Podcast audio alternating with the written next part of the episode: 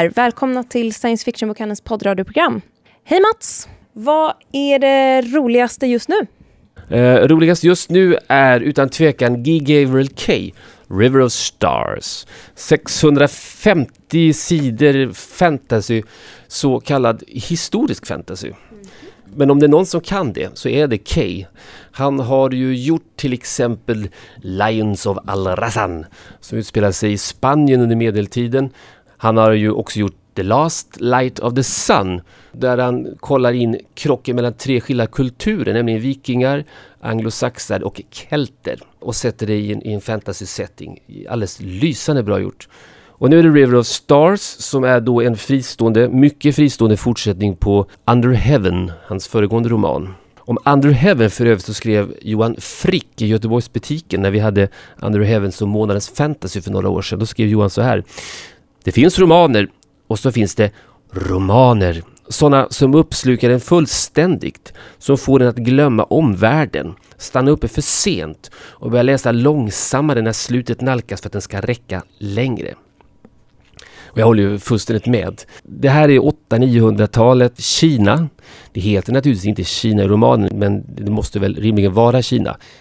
Men det spelar egentligen ingen roll, för den, den, historien, intrigen, språket, miljöerna, alltihop. Och så det där lilla, lilla fantasyinslaget som finns. Det är inte mycket, men det finns där hela tiden. Det räcker. Och jag ska inte berätta för mycket handling. Titta in på vår hemsida och kolla in vad vi har skrivit där.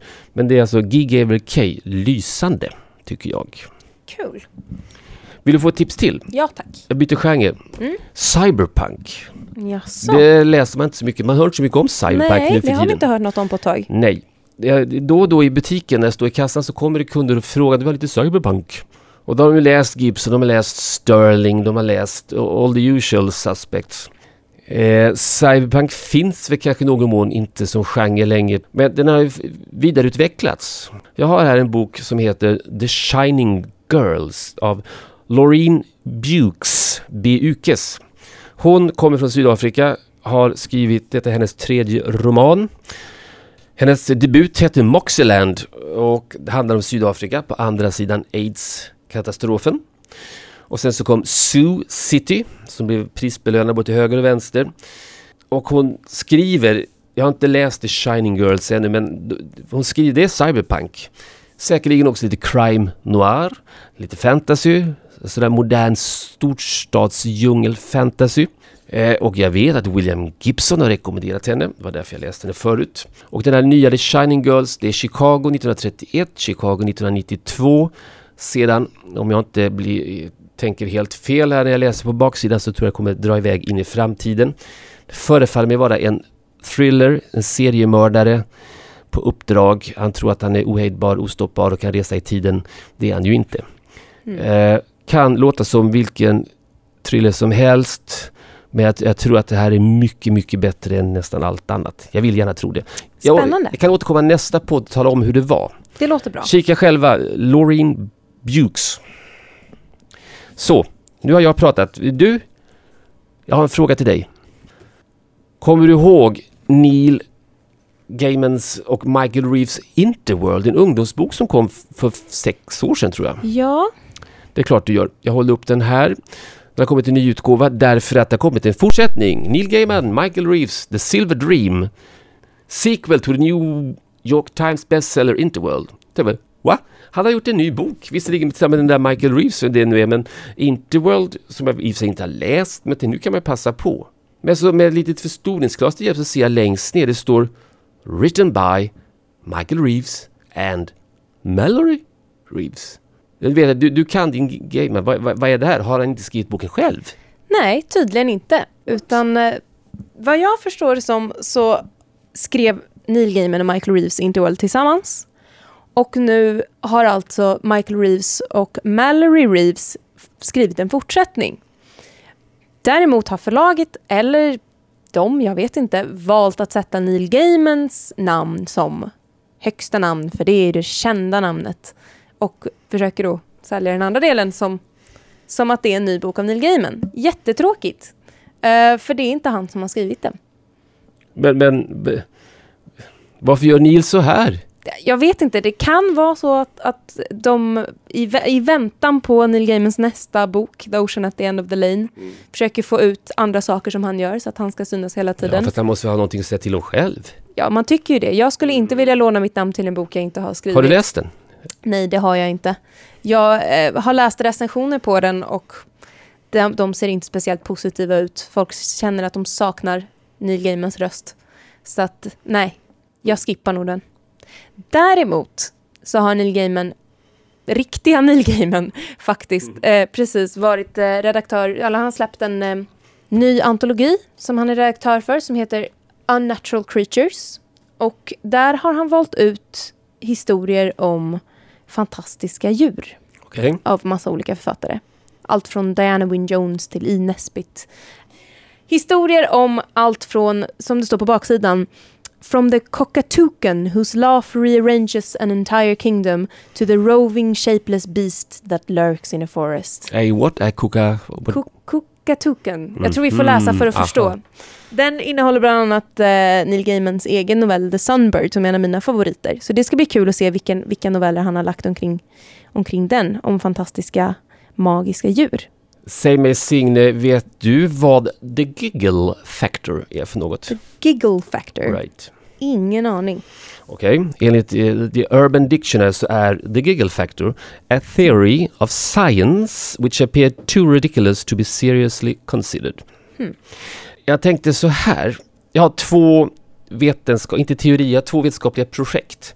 Det ena anses väldigt seriöst, genomförbart. Det andra faller offer för the giggle factor. Jag tänkte du ska få gissa vilket. Okej, Är du beredd? jag är beredd. Okej? Det första är så här. Man kan fråga sig vad Googles Larry Page och Eric Smith har gemensamt med regissören James Cameron.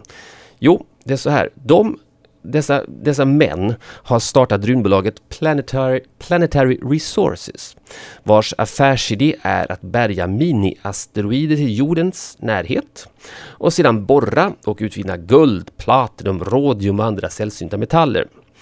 Alltså Team Up, farbror Joakim och Krösus Sork. Oräkneliga kvantiljoner väntar. Och eh, skulle inte förvåna mig om de också satsar på världsherravälde i rymden. Nej. Det där är liksom som gammal helig science fiction fast kanske då i verkligheten. Det var teori, det var projekt 1. Mm. Det andra projektet det har att göra med energi. Eh, solenergi nämligen, som ju är alldeles ren eh, energi och dessutom finns det i stort sett oändligt mycket av solenergi. Om vi bara kan ta hand om den liksom. Och det är lite svårt på jorden för det, vi, har, vi har inte kommit så långt ännu med speglar och, och sådana saker.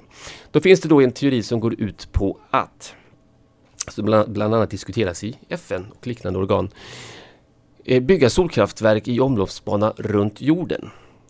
Men det är inte sådär alldeles lätt att bygga solkraftverk i rymden.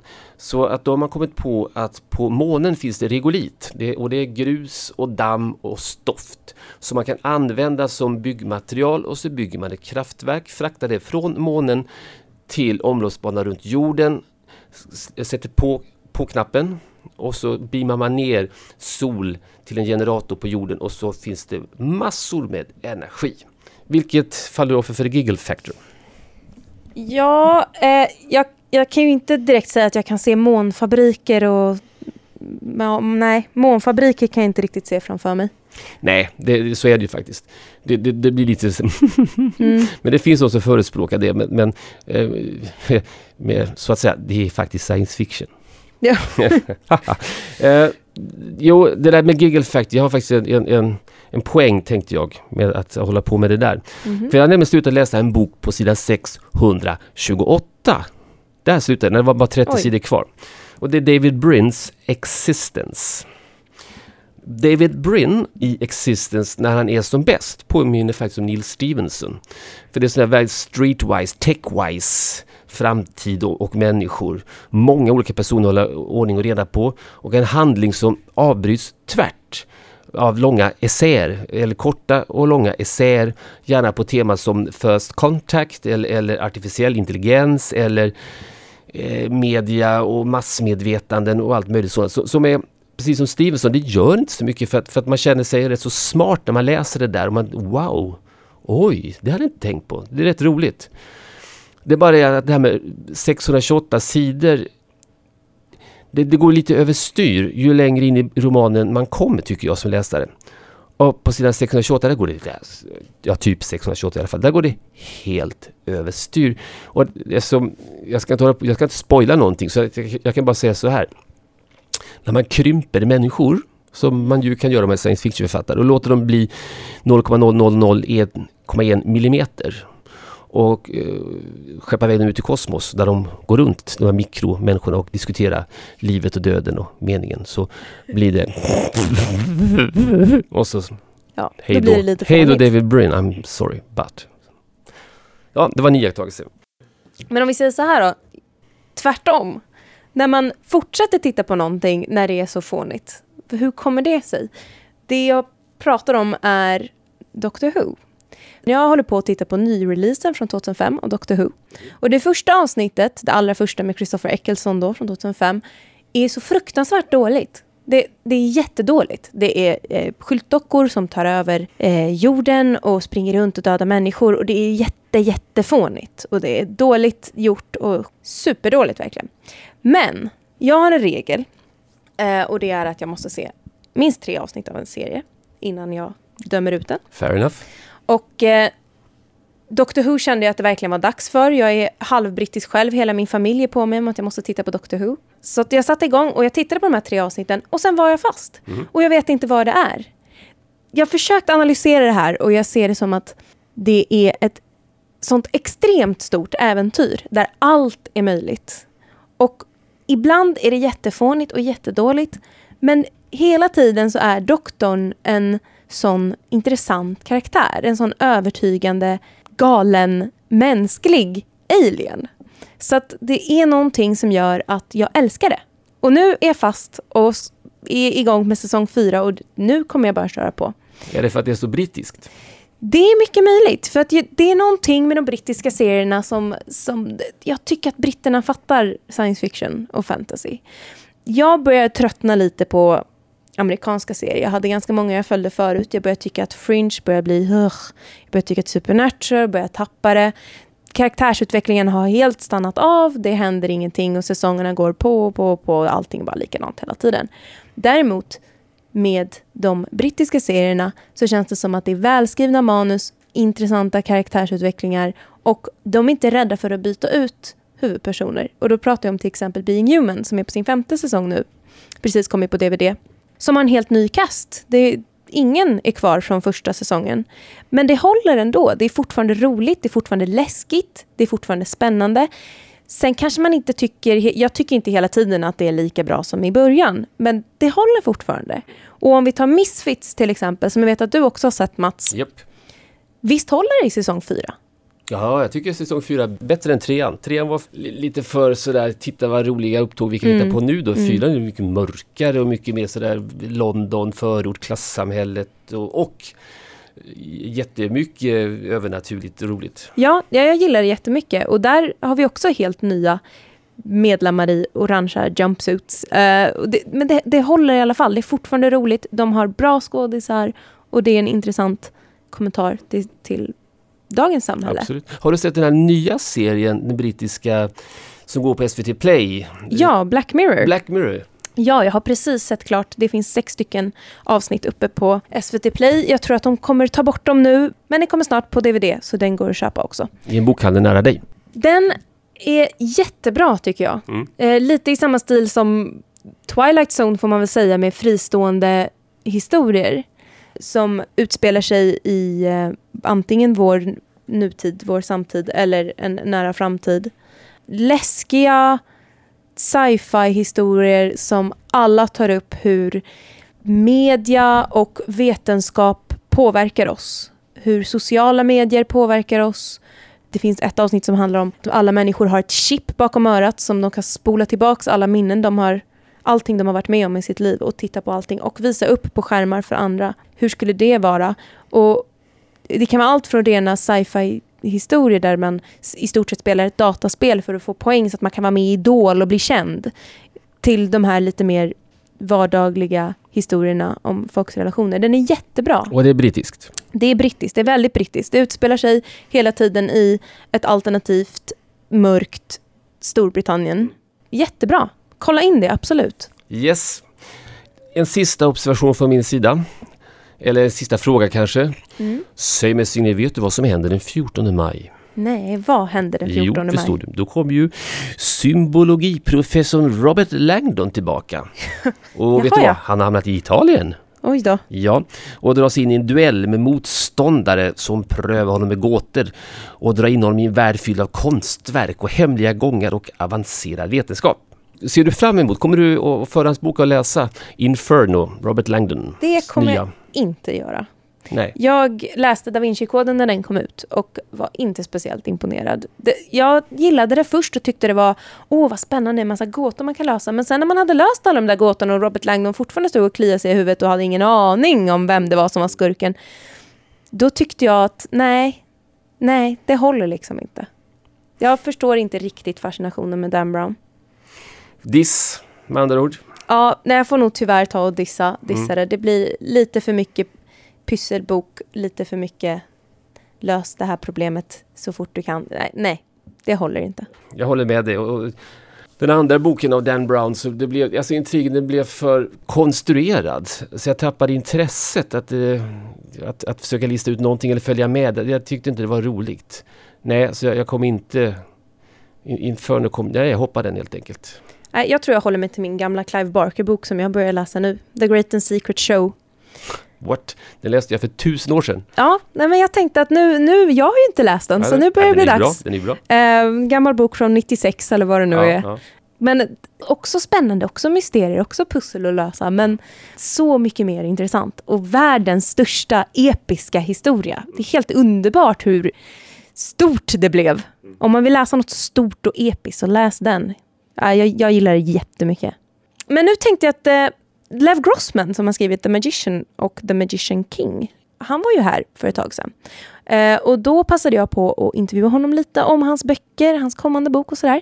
Så att jag tänkte vi, vi tar och lyssnar på hur det lät när han beskriver sina böcker.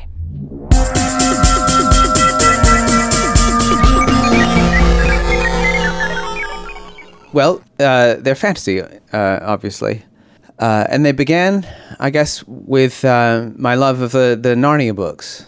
And also um, Harry Potter and uh, The Sword and the Stone by T.H. White. But I became very aware as I got older that these books are, are written for um, children and people in their teens. Uh, and I still loved reading them, but I was also aware that there's a lot of stuff that they left out. Uh, and I felt on some level that um, I was missing things. I felt as though I loved Harry Potter, but Harry didn't really understand me. He uh, he didn't know anything about uh, you know some of the things that happen to you uh, when you're older, and you get depressed or confused or you get divorced. Uh, all these complicated things that we know and love about being an adult. And so I wondered if I could retell that story, those kinds of stories, stories about young people discovering that they had power that they didn't know they had, or finding their way into a magical world. I wondered if you could tell that kind of story for adults uh, and have it say something about uh, what it's like to be uh, to be an adult in the adult world. Uh, and I was very conscious that you know uh, uh, one model for this is what George R. R. Martin has done. Uh, I felt as though he took the, the the model, the Tolkien model, the epic fantasy model, uh, and really kind of made an adult book uh, and had and put in all the sex uh, and drinking and and uh, other horrible things that Tolkien left out. Uh, but I never saw anybody doing that for the other side, for the sort of C.S. Lewis, um, the Narnia type story. And I wanted to try to do that, and it began just as an experiment. What would you? How would you write the book um, if you left in the fact that people swear and they have sex and they get confused? Uh, you know, there's no Gandalf in uh, or Dumbledore in the Magicians. There's no older person who comes along and tells you, uh, "Well, this is what you're supposed to be doing. Uh, you're supposed to go kill Voldemort. You're supposed to take this ring and drop it in that mountain over there." Nobody tells the characters what they're supposed to do. Uh, so the story becomes partly about them trying to figure it out, the way you know we do in the real world. Quentin and his friends, they doesn't, doesn't change as people when they come to a fantasy world. They're Mm. still those people that we know in this world, Yeah. and they still swear and they're still confused and everything, but they're still in this magical world. And And the funny yeah. thing is, they've they've they've they've read fantasy novels. Yeah. One of my uh, I love Harry Potter, and yet one of the things that I wanted to uh, change when I wrote uh, a story like that uh, was Harry's never Harry, Harry doesn't read novels. Um, he arrives at Hogwarts and he's never read a fantasy novel. He's read, never read Narnia or um, Wizard of Earthsea. Uh, I'm not even sure that those novels exist in Harry's universe. Um, but these characters, they they've already read novels, and as a result, when they go to uh, another world, they have a lot of expectations about what it's going to be like. Uh, you know, they're going to go on a, an amazing adventure, and they'll be kings and queens, and it turns out to be a lot more complicated than that. This was part of my my sort of promise to myself when I began writing the book. I wanted it to. I wanted. I didn't want to pick and choose about reality. I wanted everything that exists in our world to be in their world, and that includes Harry Potter. Uh, and originally, my early drafts, they spend a lot of time talking about Harry Potter, uh, which I actually think is what they do in real life. That that that think, well, you know, it's funny how we read that, but things work this way.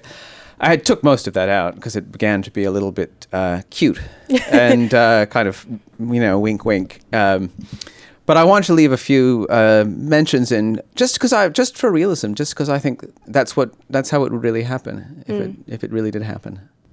And one thing um, in The Magicians and The Magician King is that uh, you use comedy in a way that you usually don't see in fantasy. I think when fantasy is trying to be funny, it can Mm. sometimes become really silly and Yeah. just kind of wacky fantasy humor, and that's not really. it's it's usually really silly, but you manage to be funny in a way that is still maybe like a comedy would be in our world. I'm 43. I feel like I'm going to be dead very soon. I'm just too old to write to read books that aren't that aren't funny. Uh, but you're right. There is. I mean, there are certainly a lot of funny fantasy novels, but there is a certain fantasy tone of great seriousness Yeah. and gravity. Uh, which is great. It's one of the things I love about fantasy. But I, I wanted to do it slightly differently, um, so that the characters don't they don't keep a straight face all the time. Uh, and you see it a lot in science fiction. Um, I, I think Neil Stevenson's very funny, uh, and Snow Crash was a was a big model for me when I was working on this. Um, uh, just because the characters can laugh and the narrator can laugh a, uh, a little bit and just not take everything quite so seriously. And how do you work with the characters? It's um, how did you make them react to the fantasy world? Well, originally, another one, another one of the things that I was thinking about as I started out um, was how to make the story American, uh, which was also important to me. The the Narnia and a lot of the books in that in that tradition, and obviously Harry Potter, uh, were all English, uh, and English people I happen to know because my mother's English. Um, uh, they have a wonderful way of speaking very correctly. Um, but we don't do that in America. We we swear all the time. We call each other dude. Uh, uh, uh, we don't talk properly. And I, I found, at first it was just very funny to have these characters in a fantasy world uh, talking in the way that real American teenagers do. Um, uh, but I also, you know, I wanted them uh, uh, to be friends in that way that you're friends in college in that very intense way, uh, where it's sort of your whole world uh, is these people. Uh, and then, you know, I wanted some of the stresses as well. I mean, if you imagine a group of teenagers going to another world where there's a kind of magical civil war happening, um, it would be difficult. And some of them would sleep with other ones of them, and other ones would get mad about it. Uh, er- things get very complicated with them. And um, there is a darker side to the books as well. Um, you have some really horrible monsters, Mm. and uh, and um, Julia's story in the Yes. second book is uh, a dark story. It's a sad story. How Mm. did you um, feel writing about her story? That was a very interesting experience um, because when I, I began the Magician King, uh, I thought that uh, the Julia Julia was meant to be a chapter. Um, we would give her 10, 20 pages so she could explain to us what she was up to while she was off, off stage during the Magicians, um, uh, because she's just a very minor character in that.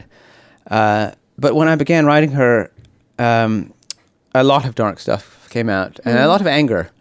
Uh, she's a very angry character. Uh, she owes a little bit to uh, uh, Lisbeth Salander. Um, I was reading Stieg Larsson at the time, uh, and you can see that that feeds into her a little bit. Um, uh, but she's she's very angry, and she's because she was left behind. She was shut out. Um, Quentin got to go to a college for magic, and she didn't, and it drives her a little bit crazy. And I think everybody knows what that's like, uh, being left on the outside. And I felt on the outside for much of my my twenties, really, when I just I couldn't seem to get a career started in anything. I felt everybody else was having a good time and making a lot of money, uh, and I was just I was nowhere. I was in a little apartment, you know, working temporary jobs um, and watching TV, uh, and all that stuff sort of came out when I started writing Julia. The magic in The Magicians and The Magician King. You know, magic always has to have these rules. Oh yes, and it does. Uh, and Julia has a different kind of magic. She learned magic in a different way. She didn't Yeah. go to school and learn it. How did you work with constructing the magic? Uh, it, it it came very quickly. Um, I, I think everybody has a sense of how magic magic works. Um, I know. I, I guess I always have had my own theory based on nothing um, about how magic would feel, and you know, sometimes you read a fantasy novel and you think, right, well, they got this part right, but this is not how magic would work at all. Because I know, of course, how magic would work. Uh, so it was a great deal of fun, kind of rolling up my own magic system. Uh, and I wanted it to be to be difficult, and I wanted it to be a lot of work. I never understood sometimes, um, uh, much as I love Harry Potter, and I do. Uh, the magic it doesn't seem very difficult. Um, the magic they do, there's a little swishing and flicking, uh, and you say the word. Um, I thought magic should be very difficult, so and that would be why only a few people can do it because it's very hard. There's a lot of work. You have to be very clever. Uh, it's a very sort of exclusive thing. Um, You really have to study as well to learn yes, it. I I was when I was a one of uh, when I was a teenager, I played the cello, and I played it quite seriously, and I played it quite badly. Uh, but I worked very very hard at at the cello, and uh, a lot of that made its way into uh, the parts about learning magic, uh, the sort of physical and and and intellectual discipline of it.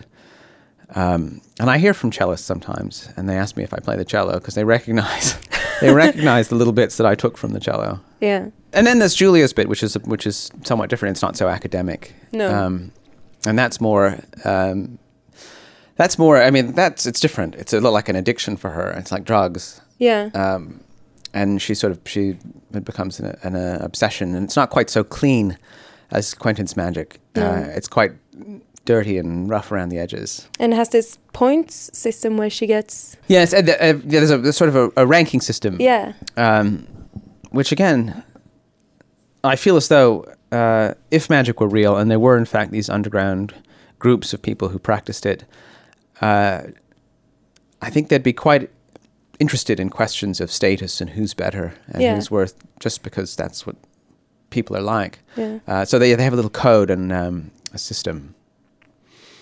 I meet people sometimes, uh, fans who've got the tattoos on their back, Really? uh, which is wow. that's quite exciting. Yeah. A lot of us here at the bookshop has described the book as a mixture between Narnia and Harry Potter and all that, and The Secret History by Donna Tartt. Mm. Do you recognize that in your books? I've read that book many times. Yeah, Yeah. that's um, that was a big source for me. Hmm. That book. Uh, uh, it was a very important book for me, not just because um, uh, of the way she describes life at a small academic institution and this small, intense group of people, um, which was very much a model for the physical kids in The Magicians. Uh, but also the way that was one of the first books I read that uh, it wasn't published as a literary novel, it wasn't published as a thriller or a mystery. Uh, it was a kind of hybrid between the two. And that at the time seemed very new. And it's very much what I wanted to do with The Magicians to combine the literary side and the fantasy side into a kind of hybrid or a, a combination. Hmm. And I once met Donna Tartt at a party. I turned. I, I. I didn't know. I turned around and someone said, "Oh, here's Donna," and it was Donna Tartt. Uh, and uh, I immediately became very ashamed because I of, of, how much I borrowed from Secret History, and I had this idea that she might um, have some sort of grudge against me, um, which of course is just being paranoid. And she was incredibly nice mm. um, and very beautiful. There's this. The, there's always this. There's a picture of her on the jacket of the Secret History, uh, and I always thought, oh, she can't be that good looking. Uh, it must be, you know, just something they did in Photoshop. But actually, she really does look like that. Wow. Um, so, uh, can you tell us anything about the new book? Well, it's it's mostly done, really? uh, or it's it's three quarters done. Mm. Um, you always think you're done, and then you go back and realize that there's more to do. Uh, it's it's the third book, and it's it's it's intended at least to be the last one, hmm. which is difficult. It's difficult to end a trilogy. Uh, you really have to feel as though um, you've you've wound everything up, um, and uh, um, people can end feeling as though they're satisfied with it, and there isn't any, there aren't any outstanding threads and things lying around. Hmm. Um, so people can say, but what about what about what about that? So uh, it's on a it's on a it's on a very very big scale. Uh, one of the models for it is the Last Battle, which is the last Narnia book, which mm. is not, in my experience, it's not a favorite. Um, um, people don't tend to love that book, but I love mm. it, and uh, I I learned a lot about endings from from that book.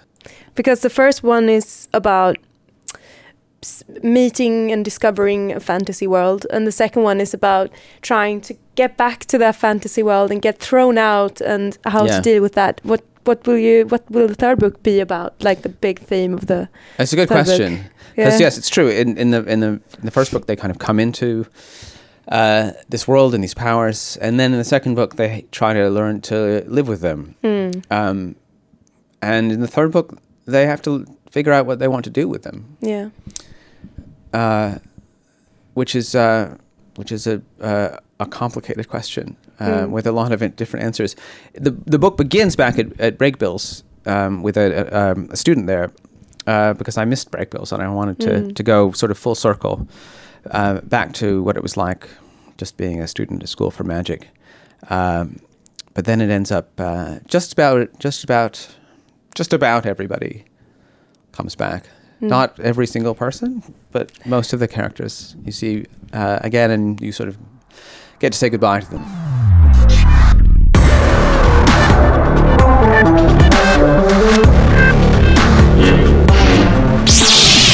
Nördprofilen.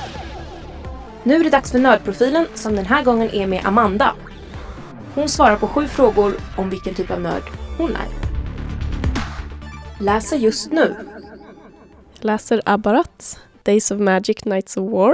Men eh, jag läser även om Neverwhere av Neil Gaiman. Och sen en massa kurslitteratur. Ser just nu. Det är en väldigt massa olika grejer. Eh, bland annat Community, Misfits, Game of Thrones, Merlin har jag ju sett sista avsnittet av, för evigt. Eh, Sherlock väntar jag på tredje säsongen. Väldigt iver. Något nördigt du vet allt om? Det skulle nog vara Harry Potter. Jag kan väldans massa om det. Högsta nörddröm? Jag vill ju då vara en riddare, men som har magi och som har en eh, drake. Jag vill alltså vara Alanna the Lioness. Första nördupplevelsen? Jag har tänkt lite på det när jag blev introducerad till nörderiet. Det har alltid varit normalt för mig. Eh, ända sedan jag var jätteung så läste jag kalanka och jag har verkligen läst hundratals kalanka pocketar och jag har gift mig med kalanka med min så här jättestora kalanka gosedjur. Så jag skulle nog säga att kalanka pocketarna var min första riktiga nördupplevelse. Stör dig mest på? Det jag tycker är jobbigast i nördvärlden är att eh, när man spelar spel, tv-spel särskilt och dataspel, så spelar man som tjej för alla tjejer. Gör man ett fel så är det att åh, tjejer kan inte spela spel. Det är inte åh, du kan inte spela spel. Så det känns alltid som man får ett jättestort ansvar när man spelar, vilket kan ta iväg lite det av det som är roligt med spel. Se mest fram emot. Jag var just ute och hämtade biljetter för sci-fi eh, symfoni konserten. Eh, Eh, så det ser jag väldigt mycket fram emot i juni, tror jag det är, den 15. Och sen alla tv-serier som ska börja igen. Pojkar läser bara om män också läser. Det var rubriken på en artikel som publicerades i Dagens Nyheter för några veckor sedan. Artikelförfattaren heter Gunilla Molloy och hon är docent i svenska med didaktisk inriktning vid Stockholms universitet. Det där är, en, tycker jag, en intressant artikel, provocerande och, och tankeväckande. Det tycker jag är roligt, det fick mig att tänka till. Fast jag behöver lite hjälp att tänka så att jag har bett vår personalchef Ann Karlberger göra mig sällskap här. Hej Ann! Hej hej! Dagen till ära klädd i Sons of Anarchy T-tröja. Just det. Är det för att visa personalen vem som bestämmer? Ja, ungefär. Ja. Så här skriver Gunilla Molloy hur som haver. Det är inte skolans fel att pojkars läsförmåga försämras. Pojkar läser ogärna skönlitteratur eftersom det anses omanligt. Men därmed får de svårare att förstå andra människor, menar Gunilla Molloy. Och så skriver hon, många pojkar läser en hel del. Gärna böcker om historia, helst om andra världskriget. De läser också fantasy och science fiction. De är ofta bättre läsare än sina lärare då det gäller läsförståelsen av texter i videomanualer och dataprogram. Jag ställer mig kanske lite frågande till hur Gunilla vet det här med pojkar läser science fiction och fantasy. Det kanske stämmer, det stämmer på mig. Jag läser science fiction, jag är en man. Men om man går tillbaka, om jag tittar bakåt till min barndom så växte jag upp i ett hem utan böcker. Men det var också så att jag växte upp i ett hem där det inte fanns någon man närvarande eftersom min far var väldigt frånvarande. Och jag läser ju böcker. Jag läser science fiction, men jag läser faktiskt massa böcker. Jag har läst böcker hela mitt liv. Och den här tanken att det skulle vara omanligt, det, den har aldrig slagit mig, tror jag, förrän nu. Kan det vara så, Ann, har Gunilla här i sin artikel, är det omanligt att läsa litteratur? Eh, ja, jag ställde faktiskt frågan direkt till min 17-årige son och tänkte att han också skulle fråga sina klasskamrater om de anser att det är omanligt att läsa. Och han ställde sig ungefär lika frågande som jag gör till, till, det, till det påståendet. Eh, det som jag tycker är lite intressant är hur har hon fått fram att det skulle vara omanligt att läsa? Jag upplever inte att det är, finns någon som helst poäng i att polarisera den typen av fråga som just läsning i någonting manligt och kvinnligt. Och jag är väldigt intresserad av hur hon har hittat det argumentet, eller den forskningsrapporten.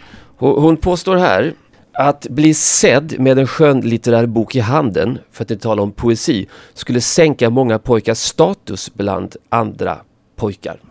Hon säger ju att det är i hemmet, att det är om inte pappan läser så läser inte pojken och det inte är skolan. Jag tycker nästan tvärtom att hon säger att flickor kan skrida över gränserna, de kan klä sig precis som de vill, de kan ha balettkjol och de kan ha rosa och de kan göra precis som de vill och de kan även spela fotboll. Medan för pojkar är det mycket mer stigmatiserande att göra tjejsaker. Men det tycker inte jag någonstans brukar komma från hemmet, utan det kommer ju definitivt från när pojkarna kommer ut i samhället och i skolan. Där det då anses vara löjligt att ha rosa pulka eller typiskt tjejigt att göra något. Men jag har då aldrig upplevt, som har en 17-årig son, att han på något sätt skulle ha blivit beskylld för att vara tjejig om han kom med en bok. Jag håller ju med dig. Jag skulle egentligen vilja säga emot, men, men jag har ingen lust att göra det för jag håller med. Gunilla skriver här att eh, reproduktion av maskuliniteter sker i relation till feminitet. Och så exemplifierar hon det med att skriva att medan flickor idag kan gå i långbyxor, spela fotboll och läsa skönlitteratur så kan pojkar inte gå i kjol, dansa balett och inte heller läsa skönlitteratur om de vill bli uppfattade som maskulina. Och punkt ett och punkt två är svårt att säga emot har jag en känsla av. Eh, men det där med att inte läsa skönlitteratur, jag fastnar där också. Alltså jag tycker definitivt att det är skolan som borde jobba mycket mer med den här typen av problematik. Och stärka pojkars eh, gränsöverskridande precis på samma sätt som de alltid, och den senaste tiden i alla fall, har stärkt flickors behov av gränsöverskridande och styrka. Jag kan ta ett exempel på min son som gick i Mariaskolan som var hänvisad till ett mörkt tv-spelsrum och fotbollsplanen. Medan flickorna hade massvis med olika kurser. De skulle lära sig stärka sin självkänsla. Det kom rockmusiker till dem för att de skulle få spela och göra film och så vidare. Och jag har hittat min son många gånger på gården. Ståendes på fotbollsplanen väntandes på att jag ska komma för att flickorna har någon speciell kurs. Nu hävdar jag att visst, självklart, vi har ett patriarkaliskt samhälle och vi behöver stärka flickor. Men i det här fallet så börjar jag känna att att den här polariseringen har gått lite för långt. För jag tycker att det viktigaste är att, att det är tonårsbarn. Tonårsbarn läser, de läser olika typer av böcker. Varför skapa den här typen av men, eh, men var, var, din, var, din, son inbjuden att deltaga i rockmusiken? Nej, det var han inte. Aha. Det var specifikt för flickor. Jaha, alltså för att stärka deras Japp. självkänsla, identitet? Mm. Han var inbjuden till fotbollsplanen och till videospelsrummet. En, en, observation som jag gör ibland här i bokhandeln är att man öppnar på förmiddagen klockan 10. Då är det ofta väldigt sömnigt. Eh, de första kunderna, det är, antingen är det besökare från Finland som just har klivit av färjan borta vid Slussen och sen gått upp till Gamla stan. Eller så är det en man med barnvagn. Vill man se en man med barnvagn, kom till SE-bokhandeln strax efter klockan 10 och gå runt bland våra bokhyllor. Så de måste väl också vara någon sorts undantag i så fall, för de, de är ju dubbelfel eh, så att säga. De, de, dels går ut och går med barnvagn och dels så, så går de och köper böcker. Ja, fast det är ju inte riktigt dubbelfel i hennes värld eftersom hon ställer fantasy, science fiction och eh, krigsromaner vid sidan om lite grann. Och den mannen som eventuellt kommer hit då, han köper då enligt henne en, ja krigsromaner kanske vi inte har, men ändå fantasy eller science fiction. Eller kanske ett seriealbum som hon då kanske i den här artikeln upplever jag hävdar inte går att ställa filosofiska resonemang, logiska slutsatser eller vidare. Ja. Vilket jag tycker är helt vansinnigt. Därför att all typ av läsning ger dig en filosofisk reflektion till och med ett seriealbum. Ja, den här narrativa fantasin som hon kom in på längre fram i artikeln. Som är rätt intressant. Men den, den, det, det du talar om där, det verkar kanske, om man nu ska hårdra, det verkar inte finnas i science fiction fantasy. Och jag förstår inte riktigt, jag är helt värdelös på att läsa manualer. Men, men eh, som pojke ska jag tydligen vara bra på det. Vi kan säga lämna denna artikel. Eh, det är inte så att vi sitter och dissar den fullständigt. För jag tycker faktiskt den, den ja, har... Ja, jag dissar den nästan. Den har, ja, ja, jag, tycker jag är lite småsur. Men, men, men eh, det, alltså, man kan alltid fråga sig vad den här typen av forskning vill komma fram till. Och vad de har, för exempel, nu har hon kommit fram till att papper som inte läser ger sina söner det här i arv. Och eh, nu kan vi konstatera att det stämmer inte varken i ditt eller mitt fall eller i min mans fall som inte heller hade någon pappa och som läste otroligt mycket. Ja. Och min son har en pappa som läser hela tiden och han läser väldigt lite. Så Mats, hur kommer det sig att du började läsa böcker? Det fanns ett bibliotek 100 meter från min skola. Det var allt för oss den här gången. Tack för att ni lyssnade på oss och ni får gärna mejla till oss på poddradio.sfbok.se om ni har några frågor eller tankar. Glöm inte att kolla in vår nya butik om ni befinner er i Göteborg. Vi öppnar där den 24 maj. Vi hörs och ses. Hej då!